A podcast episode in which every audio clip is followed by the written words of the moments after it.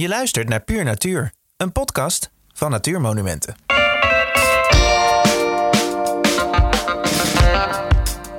In deze aflevering spreken we met Jeroen van der Kooi. Hij is biologisch melkveehouder in Maasland in het prachtige oude cultuurlandschap van Midden-Delfland.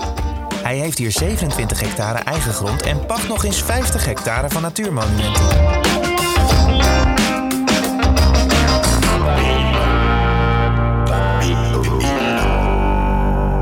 Ben dus Jeroen van der Kooi. Samen met mijn vrouw hebben we dus hier het bedrijf. Naast de eendenkooi van uh, Vlaardingen. Een van de oudste eendekooien die er is, geloof ik. Dik 500 jaar. Maar in ieder geval, we hebben dus hier samen een, uh, een veebedrijf, zeg ik tegenwoordig. Want we hebben dus behalve melkvee ook ossen lopen voor de vleesproductie. En dat zijn eigenlijk stiertjes van onze eigen koeien die we houden, castreren op uh, drie, vier maanden. En dan uh, kunnen ze het land in. Als ze tenminste het land het toelaat. Dus je hebt een uh, vleesveetak en een melkveetak? Dat klopt.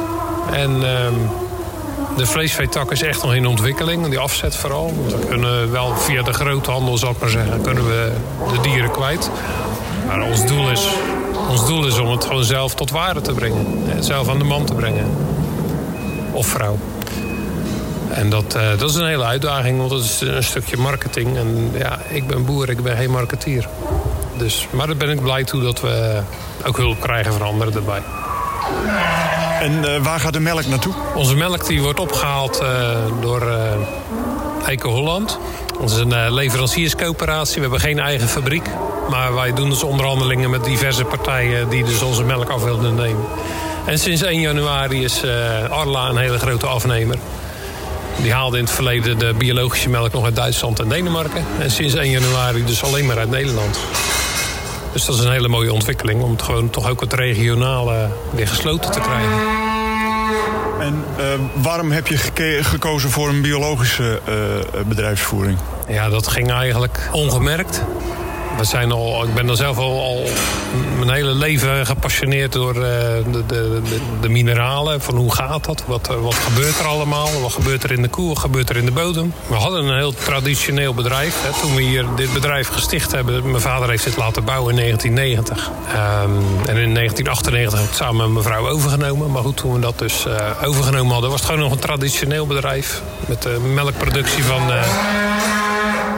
van ruim 8000 liter onder de melkkoeien. Maar daar moest heel veel voor gebeuren om die productie te krijgen. Dat was echt een, uh, hele grote instroom van, uh, van, van voer eigenlijk... om, om zo'n productie te realiseren. En dat ging me steeds meer tegenstaan.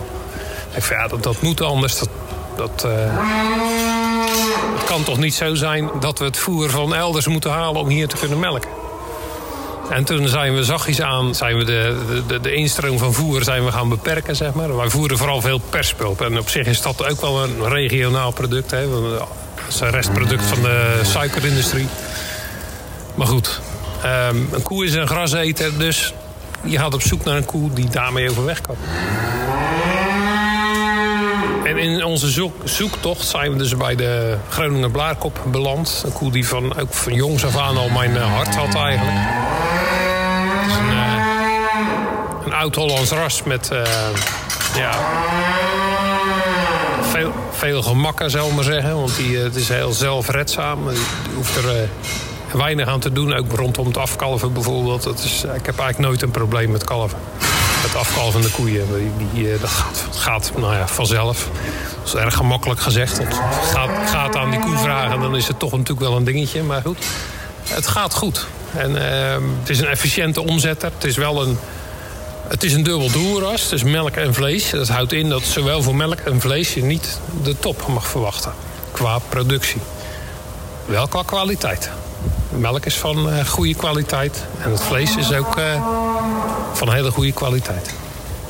Dus daar zijn we heel blij mee. Ze hebben, hebben, allemaal hun horens nog. Ja, die horens, dat was ook wel even wat. Want we zijn dus uh, vijf jaar geleden gestopt met onthoornen. En dat, dat, ook dat was iets wat me steeds meer tegen ging staan. Van dat onthoornen. Want ja, ze hebben ze niet voor niks gekregen, die horens. We gingen ons daarin verdiepen. Wat is de functie van horens? Nou, dus de mineralenopslag. Dus het houdt dus in dat ze daarin een buffer hebben. Dus als er wat mankeren, dan halen ze de mineralen uit de horens en niet uit de hoeven, niet uit de klauwen. Dus de klauwgezondheid die zou dus moeten verbeteren op het moment dat je horens hebt op de koeien. En, uh, en het onthoornen zelf vind ik ook gewoon echt. Uh, ja, ik, ik, vind dat gewoon niet fijn om te laten doen. Dus dat, uh, daar zijn we mee gestopt. En dat bevalt eigenlijk heel goed. We hebben dus nu nog gehoorde en ongehoorde dieren in één koppel lopen. Je zou zeggen van nou dat wordt knokken. Nou, af en toe wel. Maar het is niet gezegd dat de koe met horens daarbij wint. We hebben een paar van die oude rakkers die dat gewoon niet... Uh, die zeggen gewoon van joh, op, uh, ik ben hier. Dus het is wel leuk om te zien. Je ziet gewoon uh, wel een karakterverandering, positief. Ze zijn... een koe met horens, die, die staat meer. Die, die, die ja, hoe moet je dat zeggen? Ik, ik, vind ze meer karakter hebben. Het is net alsof je met de horens verwijderen ook het karakter een stukje weghaalt. Maar dat is natuurlijk een hele persoonlijke waarneming. Hè? Ik bedoel, iemand anders zal dat heel anders ervaren. Maar ja, dat, ik, ik vind het een verrijking voor het bedrijf, de horens erop. Ja.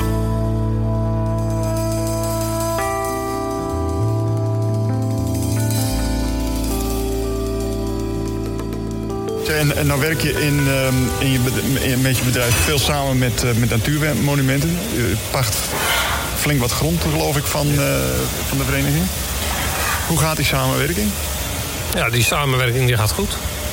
We hebben een langjarig uh, pachtcontract zeg maar, voor, de, voor de grond.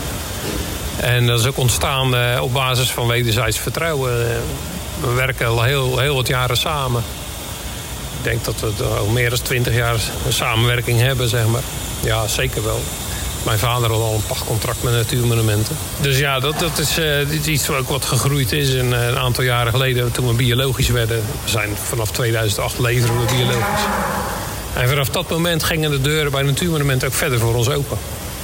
Want dan zien ze toch dat je serieus ermee bezig bent. En uh, niet, niet voor het niet voor het maximale van het land gaat, maar dat je kijkt naar het optimale. Hè. Wat laat de grond toe? Wat, wat, wat gebeurt er allemaal? Ja, zo word je gesprekspartner en dat, dat heeft geleid tot een, goede samenwerking. En in dit geval inderdaad ook een, een behoorlijk oppervlakte grond die we in vaste pacht hebben. En voor natuurmonumenten is dit gebied belangrijk vanwege de weidevogels. Daar draag jij dus ook aan bij, aan de, aan de weidevogelbescherming. Hoe gaat het met de weidevogels uh, op jouw gronden? Ja, super. Ja, het is een hele ontwikkeling geweest. De laatste vijf jaar zien we duidelijk weer een toename van de weidevogels. Echt gaaf om te zien. Um, het is eigenlijk de kunst van het laten. Je moet die grond met rust laten als de weidevogels zitten. Dat is eigenlijk het belangrijkste. Kan alleen maar als je veel, als je veel grond hebt. En we hebben best veel grond in gebruik.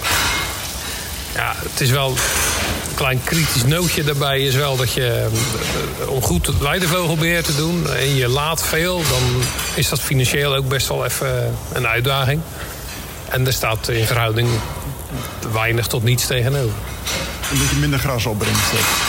Minder gras, kwalitatief wat minder gras. En uh, dat is wel uh, lastig. Maar daar staat tegenover een enorme voldoening in het voorjaar. Als, er, als ik in het land loop en ik, uh, ik loop op het betonpad... en ik kom in principe het land niet in. Voordat ik weet of dat er wat zit of niet. Um, ja, dat is gewoon gaaf om mee te maken. Die, die vogels die buiten over elkaar heen. En als ze je ontdekken en ze hebben jongen... Ja, dan worden ze helemaal wild natuurlijk. Dus dan willen ze je weg hebben. En dat is gewoon gaaf om te zien. En welke soorten heb je in, uh, in je graslanden? Ja, vooral veel kievieten, schollexes, tureluurs.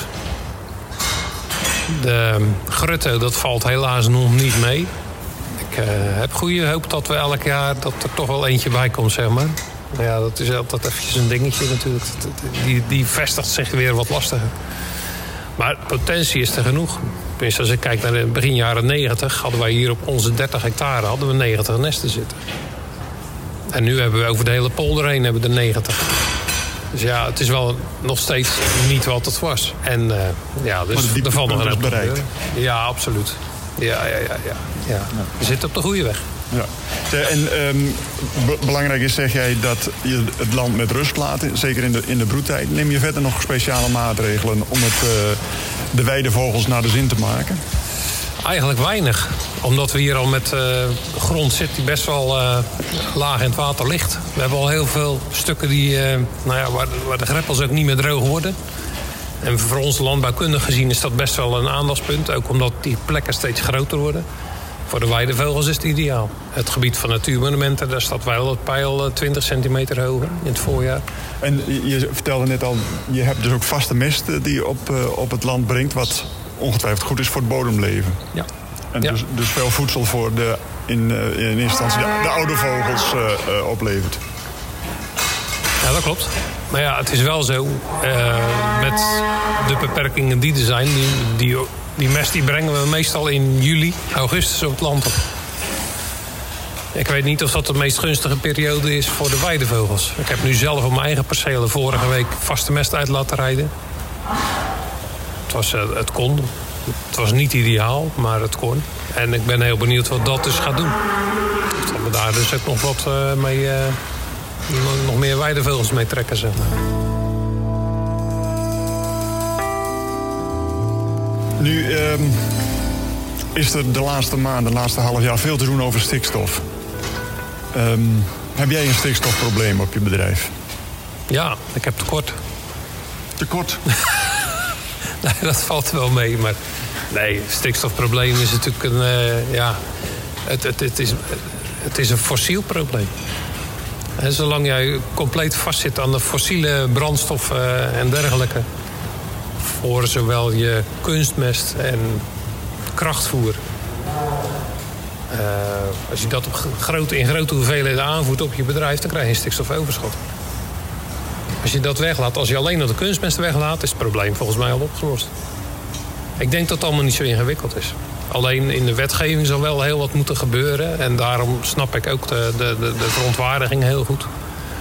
Ik heb zelf 1 en 16 oktober ook meegelopen meegedaan met het protest. Ook gewoon omdat je ziet dat de waardering ontbrak. Achteraf bleek die waardering er wel te zijn, maar echt heel onderhuids. Het was een wake-up call en nou vervolgens de schouders eronder, praten en overleg. En ja, dan zie ik wel eh, twee verschillende stromingen ontstaan en dat is jammer. Dat, uh, we krijgen onze gangbare collega's nog niet mee, zeg maar, eh, de goede kant op. Nee, die uh, verhoudingen lijken zich eerder te verharden. Uh. Ja, daar ben ik ook wel een beetje bang voor, ja. Ja, ja, ja. En dat is het. Uh, ja, als je in een. kijk, op zich is het goed als je een, een, landbouwcollectief vormt. Maar je moet verder kijken als je neus lang is en niet blijven hangen in wat geweest is. En er zijn gewoon heel veel mogelijkheden, ook voor gangbare boeren, om een slag te maken. Maar daar is de politieke keihard voor nodig. Dat, dat is gewoon zo, want er zal een andere waardering voor de mest moeten komen. Sowieso, want organische mest is gewoon brandnodig, broodnodig voor, uh, voor de bodem. En uh, zoals de regels nu zijn, kan je te weinig met je eigen mest. En dat, bedoel ik eigenlijk meer van uh, als je mest bewerkt, dus scheidt zeg maar dan staat er al een regeltje ergens in de mestgeving dat je het weer anders moet gaan bekijken. Nou, dat, geeft alleen maar administratieve romslomp gedoe. Dat is gewoon een flauwekul. Dat moet gewoon helemaal niet gebeuren. Mest die op je eigen bedrijf geproduceerd wordt, tot een bepaalde hoeveelheid stikstof per, uh, per hectare uiteraard. Die moet je gewoon in kunnen zetten zoals het, uh, ja, zo, zo, zoals het goed lijkt, zeg maar. En dan Natuurlijk zijn er regels nodig, want ik zeg niet dat je het zonder regels kunt doen. Maar ik denk dat een herijking wel uh, nodig is. Ja. Maar is jouw bedrijf dan een voorbeeld van hoe het zou kunnen? Ik denk dat ons bedrijf een voorbeeld kan zijn zoals het zou kunnen. Ik zeg niet dat wij de ultieme uh, oplossing hebben. Ik denk wel dat we heel goed op de, op de hele goede weg zijn zitten. Dat zeker wel.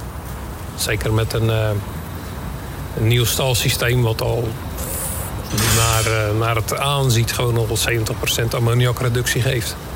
Gewoon door het simpele feit dat de, de poep en de pies van de koeien niet bij elkaar in de put komen. En dat geeft gewoon het probleem. We zijn in de jaren 70 massaal naar de lichtboxenstal overgegaan. was gemak. Wij waren er ook blij mee. Ik weet het nog heel goed dat we kregen in uh, 73, 74. Toen was ik maar een kleine jongen, maar ik weet het wel. Uh, het was gewoon een heel stuk gemak. Alleen we, de, waren de mest vergeten. Ja, en dat krijg je nu op je brood. Dat klopt. Ja, ja. Er moet gewoon uh, weer opnieuw wat gebeuren. En uh, ja, er zijn gewoon heel veel boeren al mee bezig. Ook gangbare boeren. Die zijn gewoon supergoed bezig. Ja, er moet gewoon meer waardering voor komen. En uiteindelijk zal de consument ook eens een keer niet alleen moeten zeggen dat wij het anders moeten gaan doen, maar ook de daad bij het woord voeren en onze producten afnemen. En bereid zijn om er iets meer voor te betalen. Want wij kunnen het niet voor de prijzen doen waarvoor we het nu moeten doen. Het is gewoon niet te doen. En nu uh, staan we nou, bijna aan het begin van het weidevogelseizoen. Kijk je er naar uit? Ja. ja. Het is altijd een genot. Als de eerste weer komen. En het is altijd spannend. Wanneer, wanneer zijn ze er weer? En uh, ook uh, heb ik mijn werkzaamheden kunnen doen van tevoren. Want ja, je wil wel klaar zijn. Ik zeg altijd, uh, dat vroeger met, uh, toen we nog drijfmest uitreden... was het 15 maart. Dat is toch wel een beetje de datum dat klaar wilde zijn. Dan wil je gewoon uit het land zijn om ze de kans te geven. Voor die datum kijk je er wel naar. En als je weet dat er een nest zit, zal je er zeker rekening mee houden. Maar uh, daarna is pas veel meer de focus van met rust laten en laat het maar gebeuren. En dan gaan we gewoon kijken waar ze zitten. En op een gegeven moment dan wil je ook... Nou ja, laat ik het zo zeggen. Als er percelen zijn waar geen vogels zitten... Die, uh, daar maaien we of daar weiden we op het moment dat het mogelijk is en er genoeg gras staat. En andere percelen waar de jongen zitten, die laten we met rust. Uh, het afgelopen jaar heb ik iets, voor mij iets nieuws geprobeerd. Uh, en dat was uh, mozaïek maaien. En dat was eigenlijk heel simpel. Dat is ook op aanraden van, van de ecoloog van Natuurmonumenten. We hebben de, alle sloot- en greppelkanten hebben we gewoon een baan breedte gras laten staan. Ik heb een, een, een maaimachine van 3,5 meter breed. Dus best wel behoorlijk breed. Uit het midden van de... midden tussen de greppels heb ik twee banen wel gemaaid en afgevoerd. En dat was kwalitatief dan best goed gras.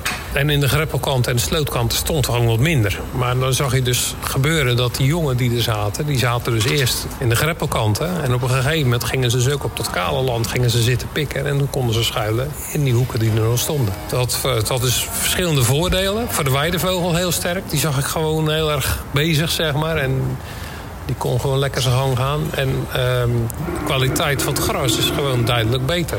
Omdat je dus toch een gedeelte op tijd kan maaien. Ja, wat is op tijd? Het was, het was, het was uh, half eind mei. Dus het was nog niet genees echt heel vroeg. Maar toen hebben we dus toen... Oh ja, die heb ik dus gemaaid, afgevoerd. En heb ik ook weer heel dunnetjes bemest. En toen hebben we dus uh, 25 juni hebben we alles gemaaid. Want toen waren de vogels eruit. En dan heb je dus, uh, nou ja, dan heeft dus voldoende rust gehad. Ze kunnen overal, uh, ze, hebben, ze hebben kunnen fourageren. Ze zijn groot geworden, ze konden overal heen vliegen. En dan ga je dat gras maaien. Maar dan heb je dus jong gras en, uh, en wat ouder gras, zal ik maar zeggen. Stengelige gras bij elkaar. En dat komt ook bij elkaar in de ronde baal. Dus dat, dat was voor ons ook weer een groot voordeel voor de kwaliteit van het gras. Dat we op die manier wat kunnen spelen. En ja, dat, uh, dat krijgt zeker een vervolg. En er zitten in jouw grasland dus ook er zitten voldoende bloemen en dus insecten voor de, voor de kuikens om, uh, om, om op te fourageren. Ja, de ervaring leert dat dat goed gaat, ja. ja.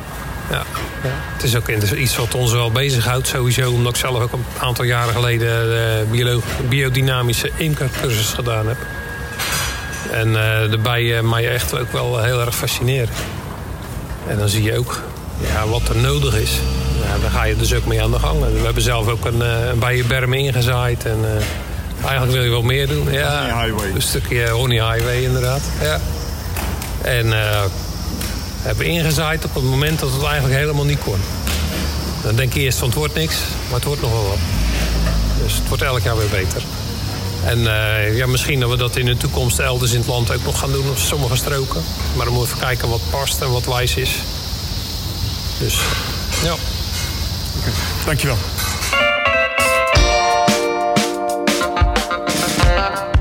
Je hoorde hoorde Frans Bosger in gesprek met Jeroen van de Kooi. Wil je geen aflevering van deze podcast missen? Abonneer je dan via Spotify, Soundcloud, iTunes of een andere bekende podcast-app. We horen ook graag van je wat je van deze podcast vindt. Stuur ons een beoordeling via iTunes. Dat zorgt er ook voor dat andere luisteraars ons beter kunnen vinden. Bedankt voor het luisteren naar deze aflevering van Puur Natuur. En tot snel in een van onze gebieden. Of in je koptelefoon.